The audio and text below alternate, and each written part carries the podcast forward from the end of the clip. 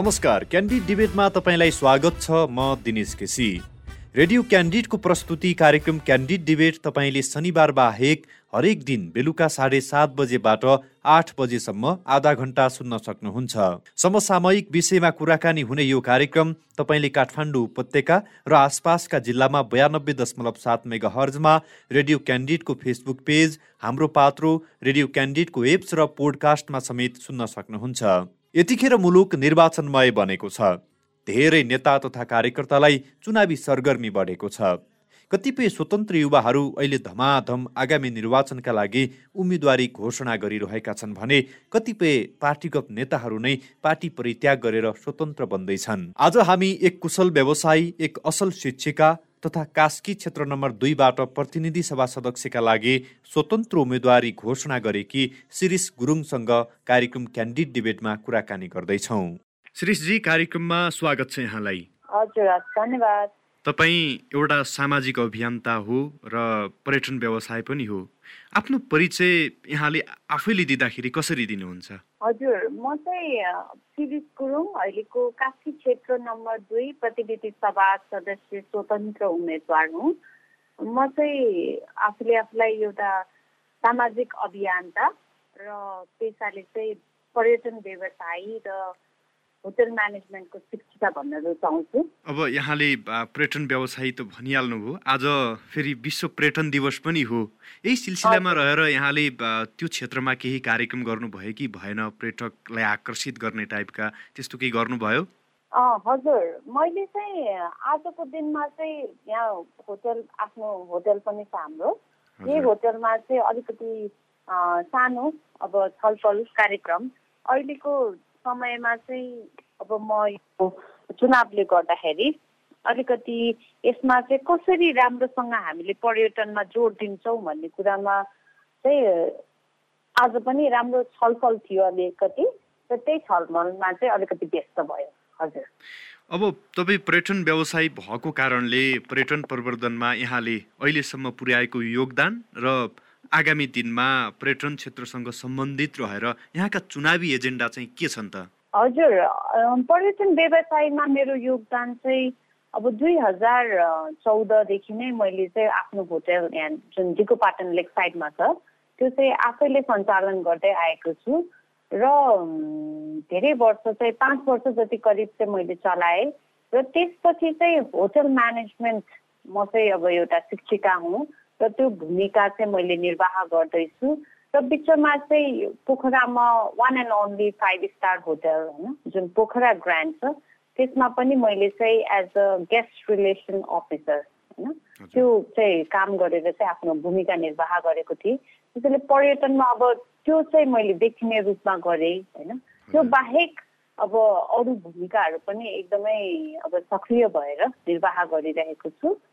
र एजेन्डाको कुरा गर्दा चाहिँ म चाहिँ अहिले भर्खरै यो अब चाहिँ मैले दिनदिनै अब मेरो फेसबुकमा नै तपाईँले अपडेट्सहरू हेरिराख्नु भएको छ होला होइन? अब जुन जनताहरू अब सबैजनाले जुन मसँग जोडिनु भएको छ सिरिज फर कास्की भनेर मेरो फेसबुक पेज छ। त्यसमा चाहिँ मैले अहिले फ्रिक्वेन्टली जुन विज्ञहरू हुनुहुन्छ हाम्रो कास्कीमा रहनु भएको उहाँहरूसँग चाहिँ मैले राम्रो किनभने पछि एकचोटि एजेन्डा बनाइसकेपछि फेरि घरिघरि बनाउने कुरा आउँदैन होइन? त्यही भएर यो एड्रेस राम्रोसँग होस् भन्नलाई चाहिँ यसमा होमवर्कहरू राम्रोसँग रिसर्च गर्दैछु र फ्रिक्वेन्टली डेट भइरहेको छ। अब चाँडै नै चाहिँ स्पेसिफिक क्लियर राम्रो एजेन्डा लिएर चाहिँ म प्रस्तुत गर्नेछु। अहिले देशभरि युवाहरू स्वतन्त्र उम्मेद्वारको लहरको रूपमा त्यो ट्रेनकै रूपमा प्रस्तुत भएका छन् धेरै युवाहरू। तपाईँ पनि कसैबाट परिचालित हुनुभयो कि आफैबाट ल गर्नुपर्छ? अब सडकमा मात्रै होइन सदनमा पनि पुग्नुपर्छ भन्ने मनसाय आफैबाट भित्रैबाट जागृत भयो के भयो? हजुर म चाहिँ अब म आफैमा पनि जागृत भयो किनभने सडकमा मात्र कराइरहेर हुँदैन। सदनसम्म पुग्नै पर्ने हुन्छ। यो आवाज पुग्नै पर्ने हुन्छ भनेर चाहिँ म आफै पनि एउटा भित्रदेखि मलाई आवाज आयो।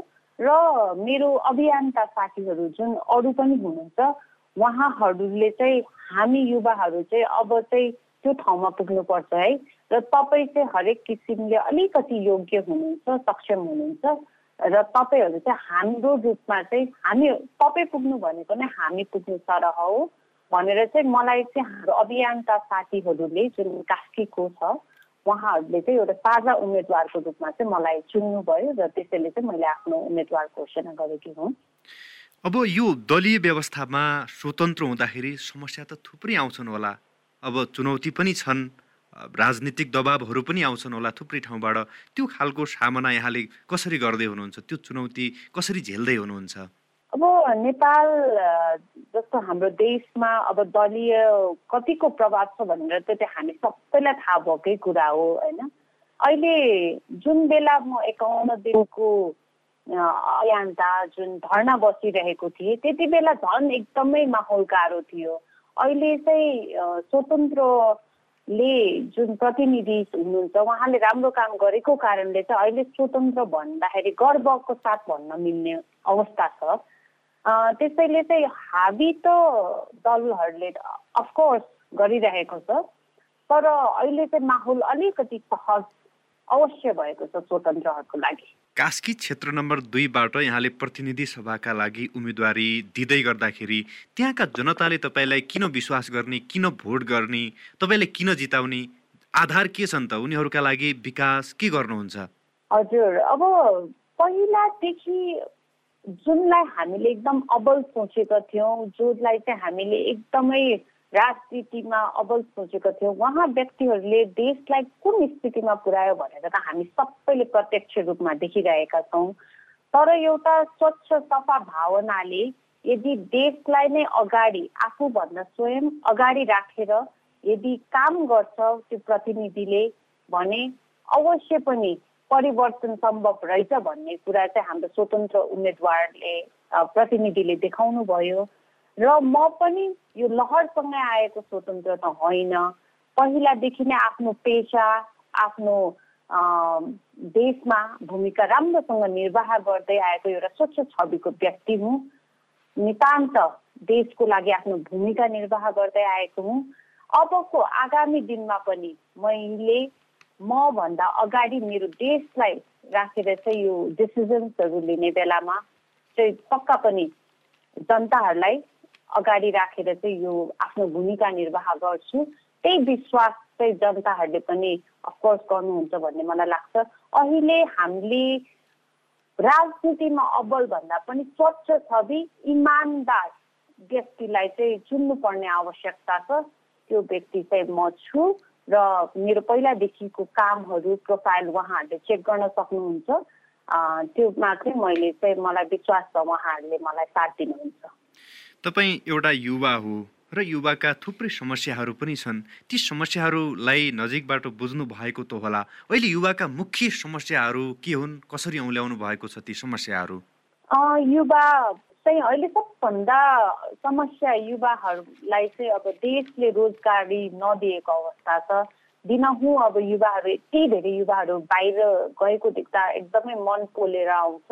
र हरेक अब म एउटा प्लस टू होटल म्यानेजमेन्ट शिक्षिका हुँ र सबैको नाइन्टी पर्सेन्ट विद्यार्थीहरूको भविष्यको योजना भनेको बाहिर जाने छ।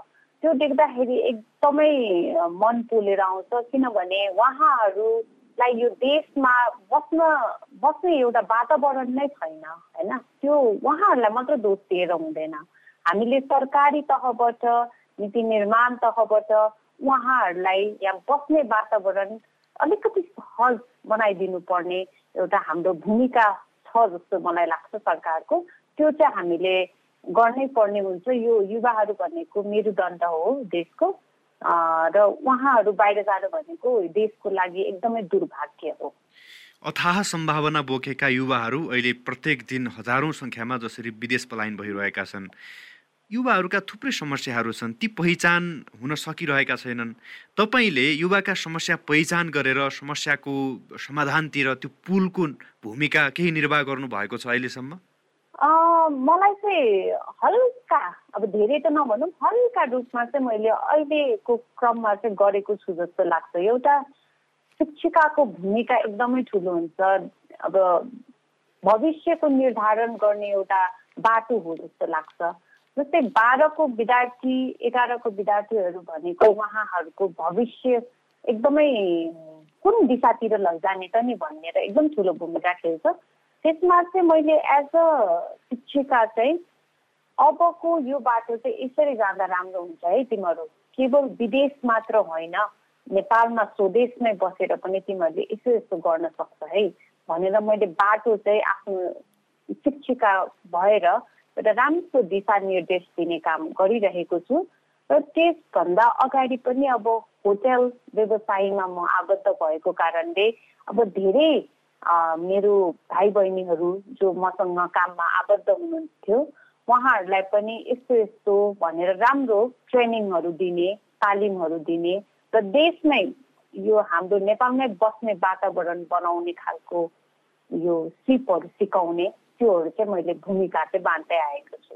अब तपाईँ कास्की क्षेत्र नम्बर दुईबाट जित्नुभयो भने युवाहरूका क्षेत्रमा के के गर्ने सोच बनाउनु भएको छ त? युवाहरूको रोजगारी प्रवर्धनका लागि युवाहरूलाई स्वदेशमै के गर्नुपर्छ भन्ने हेतुले त्यो तपाईँको आफ्नो निर्वाचन क्षेत्रका युवाहरूलाई के के गर्नुहुन्छ?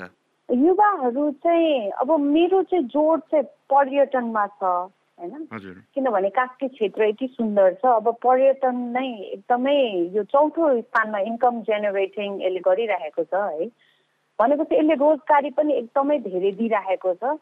त्यही भएर अब रोजगारी कसलाई भन्दा त युवाहरूलाई नै हो। हामीले होटल म्यानेजमेन्ट पढेका युवाहरू सबै बाहिर गइरहेको देखेछौँ सिटीभिटी भनौँ धेरै ट्रेनिङ यस्तो सिपहरू दिइरहेकोहरू सबै किन गर्छ भन्दाखेरि उनीहरू बाहिर जानलाई गर्छ। त्यही भएर हामीले चाहिँ यो सबै होटल व्यवसाय टुरिज्म इन्डस्ट्रीमा अलिकति राम्रो इन्कम जेनेरेट गर्न सक्यो भने र उनीहरूको सिपलाई राम्रो स्थान दिन सक्यो भने उनीहरू बस्ने वातावरण बनाइदियो भने अफकोर्स बस्छ उनीहरू। हामीले चाहिँ त्योमा अलिकति केन्द्रित भएर चाहिँ म चाहिँ काम गर्नेछु। किनभने म पर्यटन व्यवसायी हुँ। अहिले हामीले हामीलाई थाहा छ महँगी कति वृद्धि भइरहेको छ।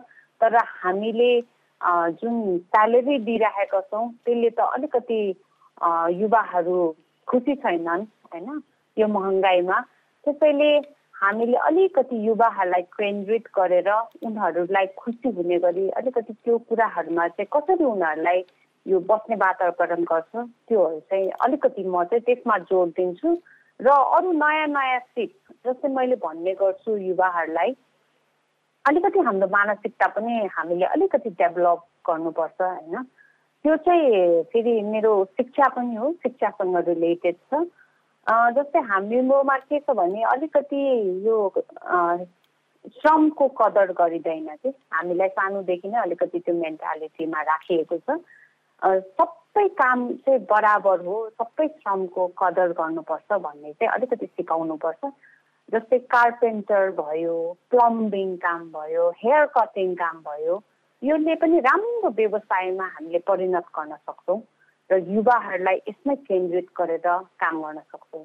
त्यसैले यो सिपहरू हामीले सिकायौँ र श्रमको चाहिँ हामीले रेस्पेक्ट गर्न सिकायौँ भने धेरै युवाहरू अझै पनि नेपालमा बसेर काम गर्न सक्ने वातावरण चाहिँ बन्छ अब यहाँले पर्यटनलाई विशेष फोकस गर्नु भएको छ। यथार्थमा नेपालको पर्यटकीय क्षेत्रको सम्भावना अनुसार प्रतिफल आउने काम भएको छ कि छैन? यहाँ आफै पर्यटन व्यवसाय हुनुहुन्छ। के बुझ्नु भएको छ यसमा? नेपाल अब मैले अब जस्तै डक्टरको कुरा अब डक्टरलाई मात्र थाहा हुन्छ होइन? अब शिक्षकको कुरा शिक्षकलाई मात्र थाहा हुन्छ भनेपछि अब कास्कीको यो पर्यटन जुन छ बाहिरबाट अब झिलिमिली संसार होइन? तर भित्रको यथार्थ त अब व्यवसायीलाई मात्र थाहा हुन्छ। त्यही कारणले यो एकदमै जुन प्राइभेट सेक्टरमा मात्र इन्भेस्टमेन्ट भइरहेछ कि? यो टुरिज्मको चाहिँ अब विडम्बना।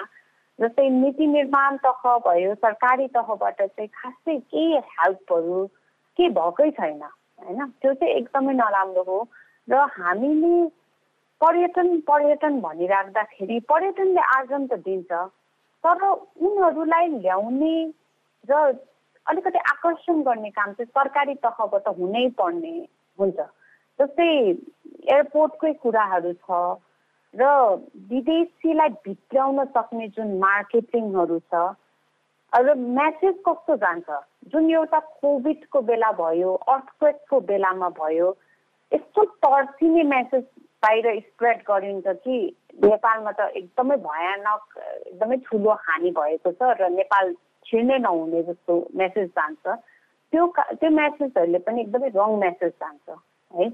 त्यही भएर हामीले चाहिँ सरकारी तहबाट उनीहरूलाई आउने वातावरण कस्तो गर्ने उनीहरूलाई आउने टुरिस्टलाई सेफ फिल गर्ने यो कुराहरू सबै चाहिँ जोडिएको छ सरकारी तहबाट। त्यही भएर हामीले त्यो कुरा चाहिँ गभर्मेन्टको थ्रुबाट चाहिँ अलिकति अब भनौँ अहिले त खासै पर्यटनलाई त ध्यानै दिएको छैन। जुन तरिकाले हो हल्ला हुन्छ नि बाहिर अब नेपाल यस्तो नेपाल उस्तो भनेर तर रियलमा चाहिँ खासै सरकारी तहबाट चाहिँ केही काम भएको छैन। अलिकति भए पनि अब पर्यटनमा चाहिँ सरकारी तहबाट चाहिँ जोड चाहिँ दिनुपर्ने आवश्यक देखिएको छ। भनेपछि पर्यटन प्रवर्धनका लागि सरकारी क्षेत्रबाट केही पनि भएको छैन त्यस्तो खालको? छैन छैन।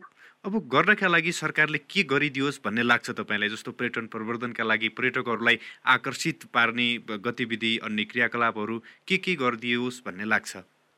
अहिले भन्नु पर्दाखेरि मैले अघि सुन्ने भने जस्तै अब मेरो चाहिँ अहिले मुख्य एजेन्डामा एउटा टुरिज्म व्यवसायी भएको कारणले चाहिँ मेरो पर्यटन भयो अनि शिक्षा र म एउटा महिला भएको कारणले महिला अधिकारमा चाहिँ म केन्द्रित हुन्छु।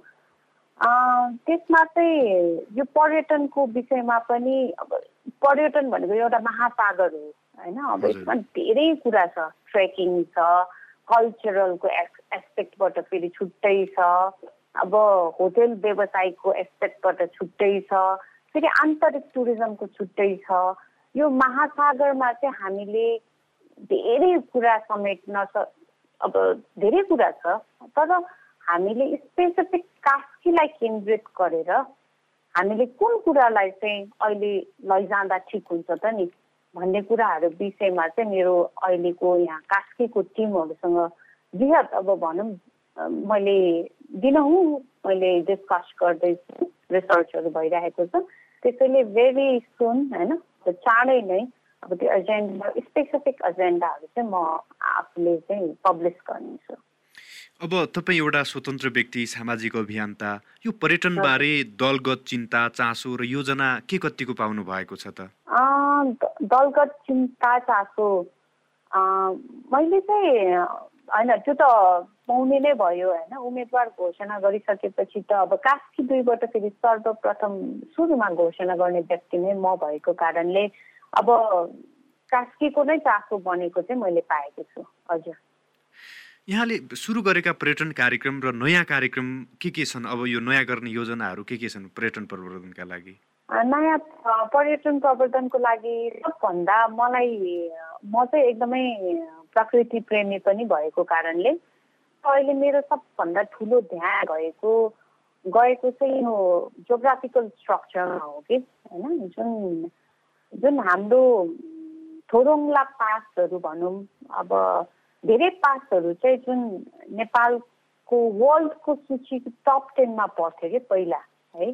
टप टेनमा हाम्रो तिन चारवटा नै पासहरू सूचीमा पर्थ्यो भने अहिले त्यसमा विकासको नाममा बाटो लगेर सबै डिस्ट्रोय गरिराख्दाखेरि चाहिँ अहिले सायद एउटा पनि सूचीमा छैन है? त्यो चाहिँ एकदमै विडम्बना नराम्रो हो। त्यही भएर हामीले विकासको नाममा विनाश गरिरहेका छौँ र केलाई चाहिँ हामीले प्रिजर्भ गरेर राख्नुपर्ने त्यो कुराहरू चाहिँ डिस्ट्रोय गरिरहेको छ।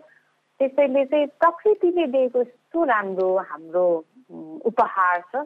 त्यसलाई चाहिँ अलिकति जोगाउने भूमिका चाहिँ हामीले निर्वाह गर्नुपर्छ। र त्यही भ अर्को चाहिँ मलाई लाग्छ टुरिस्ट टुरिस्टहरू जुन आउनुहुन्छ होइन पर्यटकहरू जुन आउनुहुन्छ उहाँहरूको सुरक्षा चाहिँ अलिकति हामीले हामी भिजिट गर्दाखेरि यो ठाउँ चाहिँ हाम्रो लागि सेफ छ कि छैन त नि? भन्ने कुरा चाहिँ अर्को कुरा मेरो मेन एकदमै मलाई चासोको विषय। यो दुइटा चाहिँ अहिले मेरो मेन केन्द्रमा चाहिँ यो कुराहरू छ। अब यहाँले पर्यटन पछि शिक्षालाई पनि आफ्नो चुनावको पहिलो प्राथमिकता पहिलो एजेन्डाका रूपमा राख्नु भएको छ शिक्षा क्षेत्रमा के के गर्ने योजना छन् त यहाँका? मेरो चाहिँ शिक्षा क्षेत्रमा चाहिँ अर्को भनेको मेन भनेको गुणस्तरीय शिक्षा हो है। हामीले चाहिँ शिक्षाको नाममा चाहिँ एकदमै ठुलो धेरै किताबहरू पढाइने र पब्लिकेसन हाउसको घरिघरि चेन्ज भइराख्ने बुक होइन कहिले घरि कुन मोडलको राखेको छ घरि कुन मोडलको राखेको छ हाम्रो यो शिक्षाले पछिको भविष्यमा कस्तो विद्यार्थीहरूमा निस्किन्छ भन्ने कुरा नै स्योरै छैन कि? र त्यही कारणले मेन भनेको नैतिकता चाहिँ हुनुपर्छ जस्तो लाग्छ। जस्तै म अहिलेको अनि अर्को छ भोकेसनल्ली ट्रेनिङहरू भन्छ नि भोकेसनल ट्रेनिङहरू। त्यो कुरा पनि जोड दिनुपर्छ। जस्तो हाम्रो अलिकति डेभलपिङ कन्ट्रिज नेपालमा चाहिँ अलिकति हाम्रो कृषि प्रधान देश भएको कारणले पनि अलिकति यो भोकेसनल ट्रेनिङहरूलाई अलिकति एड गर्ने सब्जेक्टहरूमा र बेसिक म्यानर छ जुन हाम्रो नैतिकता त्यो पनि एड गर्नुपर्ने चाहिँ एकदमै देखिएको छ। जुन कुरा घरमा सिक्छौँ हामी विद्यालयमा सिक्छौँ। त्यो कुराले नै पछि गएर त्यो विद्यार्थी कस्तो हुन्छ भन्ने कुरा चाहिँ निर्धारण गर्छ। त्यसैले यो साधारण कुरा देखिन्छ तर यसले चाहिँ एउटा ह्युमन बिङमा हुनुपर्ने प्रभाव चाहिँ एकदमै राम्रो निस्किन्छ।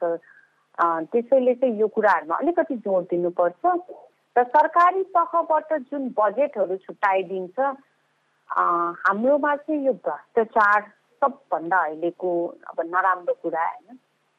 अब बजेट त आउँछ सरकारी तहबाट तर यो भ्रष्टाचारले गर्दा चाहिँ सबै राम्रोसँग चाहिँ सरकारी तहमा चाहिँ सरकारी विद्यालयमा चाहिँ त्यसको प्रपर युटिलाइजेसन भएको छैन। त्यसैले चाहिँ हाम्रो नीति निर्माण तहमा सक्षम सफा हबीको व्यक्ति पुग्यो भने त्यो पैसाहरू राम्रोसँग प्रपर युज भएको छ कि छैन भनेर जाँच गरिन्छ र त्यो कुराले चाहिँ फरक पर्छ। अहिलेको तहमा जुन बजेटहरू आएको छ आउन त आएको छ तर त्यो गभर्मेन्ट स्कुलहरूमा राम्रोसँग युजै भइरहेको छैन। तर त्यो तहमा यदि राम्रो व्यक्ति पुग्यो भने त्यो पैसा यु राम्रो तहमा युज गर्छ कि भएन भनेर चेक गर्यो भने त अफकोर्स त्यसले चाहिँ राम्रो परिवर्तन ल्याउँछ र सरकारी स्कुलमा नै राम्रो शिक्षा पाउँछ र त्यसले चाहिँ धेरै परिवारहरूलाई चाहिँ सहज हुन्छ पढ्ने वातावरण पनि बनाउँछ। अब यहाँले अर्को कुरा गर्नुभएको थियो महिला अधिकारको कुरा। जस्तो अहिले पनि धेरै महिलाहरू खुलेर बोल्न नसक्ने हिचकिचाउने लाज मान्ने लगायत अन्य थुप्रै कारणहरू महिलासँग छन्। अब त्यो समस्या समाधानका लागि यहाँले के के रणनीति बनाउनुहुन्छ त? यस्तो छ। अब म एउटा कानुनको विद्यार्थी पनि हुँ। अहिले म एलएलबी सेकेन्ड इयर पढ्दैछु पिएन क्याम्पसमा। यो सबभन्दा पढ्ने प्रेरणा चाहिँ मलाई चाहिँ म महिला भएकै कारणले आएको हो। किनभने हाम्रो समाजमा जता हेर्दा पनि अलिकति म त्यस्तो वुमेन एम्पावरमेन्ट फेमिनिस्ट भन्दै बाटोमा कराउँदै त हिँड्दिनँ। तर घर घरमा अझै पनि जति जुन तरिकाले वुमेन इक्वालिटी भन्छ समानताको हक भन्छ त्यो धेरै पछि अझै पनि घर घरमा दमन भइरहेको छ र छोरी छोरामा भिन्नता यो अब लिङ्गको भेदभाव धेरै देखिएको छ। त्यसैले चाहिँ मलाई लाग्छ अब बाटो बाटोमा वुमेन एम्पावरमेन्ट भन्दै कराउनु भन्दा पनि हामी महिलाहरूमा चाहिँ अलिकति त्यो चेतना जुन कानुनको अलिकति चेतना र हाम्रो हक के हो र हामीले सिक्नुपर्ने कुराहरू के हो हाम्रो आफ्नो आवाज हामीले कसरी बलियो बनाउने त नि? हाम्रो समानताको हकहरू के छ? त्यो चाहिँ आफैले बुझ्नुपर्ने आवश्यक मलाई चाहिँ त्यस्तो लाग्छ। जस्तै मेरै अब म अदालतमा पनि इन्टर्नसिपको रूपमा जाँदै गर्छु ल फर्ममा त्यसमा चाहिँ मैले के देखेँ भने जस्तै एउटा इक्जाम्पल एउटा बहिनी आएको थियो। एकदमै कलिलो बहिनी अब बिहा भएर डिभोर्सको लागि आएको थियो। र उसलाई चाहिँ उसको बुढाले पिट्दो रहेछ धम्काउँदो रहेछ र त्यो बहिनीलाई चाहिँ तैँले मलाई छोडिस् भने चाहिँ उल्टै तैँले मलाई दस लाख दिनुपर्छ भनेर चाहिँ धम्काउँदो रहेछ त्यो उसको बुढाले। अनि त्यो बहिनी त अब सोची एकदमै अब उसलाई त कानुनी कुराहरू केही पनि थाहा थिएन। त ऊ चाहिँ डराएर अब किनभने ऊ त गरिब छ उसले त दस लाख दिन सक्दैन। त्यसैले बरु दस लाख दिनुभन्दा चाहिँ म चाहिँ बरु यो पीडा होइन यो पिटाइ नै खाँदै बस्छु भनेर ऊ चाहिँ त्यो पिटाइ खप्दै बस्दो रहेछ होइन। पछि अब मेरो भेट भयो उसँग। र हामीले चाहिँ कानुनमा चाहिँ यस्तो यस्तो छ है अहिले महिलाहरूको लागि भनेर जानकारी दिएपछि ऊ एकदमै स्ट्रङ भएर निस्कियो। र पछि हामीले अब उसको राम्रोसँग उसको बुढासँग अब सहज रूपमा चाहिँ अब छुट्यायौँ भनौँ न ऊ अहिले एकदमै आफै सिप सिकेर सक्षम एउटा नारी भएको छ। त्यो एउटा ग्रेट इक्जाम्पल पनि हो जस्तो मलाई लाग्छ। अब अन्त्यमा यहाँले केही सन्देश दिनुहुन्छ भने आम कास्की क्षेत्र नम्बर दुईका आम नागरिकलाई चाहिँ के भन्नुहुन्छ? कास्कीवासीहरूलाई चाहिँ म के भन्छु भने हामी सबैले अब देशमा वाक्क दिक्क भएर चाहिँ अब देशमा बस्नै नहुने जस्तो माहौल गरेर नाक खुम्चाएर बसिरहेका छौँ भने अहिलेको अलिकति परिवर्तनले चाहिँ सबैमा आशाको किरण ल्याएको छ र ममा पनि त्यही आशाको किरण भएकै कारणले मैले उम्मेदवारको घोषणा दिएकी हुँ। र हामीले चाहिँ परिवर्तन भन्ने कुरा एकदमै सपनाको संसार जस्तो चाहिँ लिनु पर्दैन। एउटा जनता जनार्दन भन्छ नि होइन? एउटा मतदानको महत्त्व चाहिँ हामीले बुझ्नु पर्यो। मतदान दिँदाखेरि चाहिँ आफ्नो मनमा हात राखेर पहिला सुरु देशलाई सम्झेर चाहिँ मतदान गर्नु पर्यो कि। यो पार्टी र अरू अरू सानो सानो फाइदाको लागि चाहिँ यो देशलाई बिगार्ने काम र भविष्य बिगार्ने काम चाहिँ नगरौँ।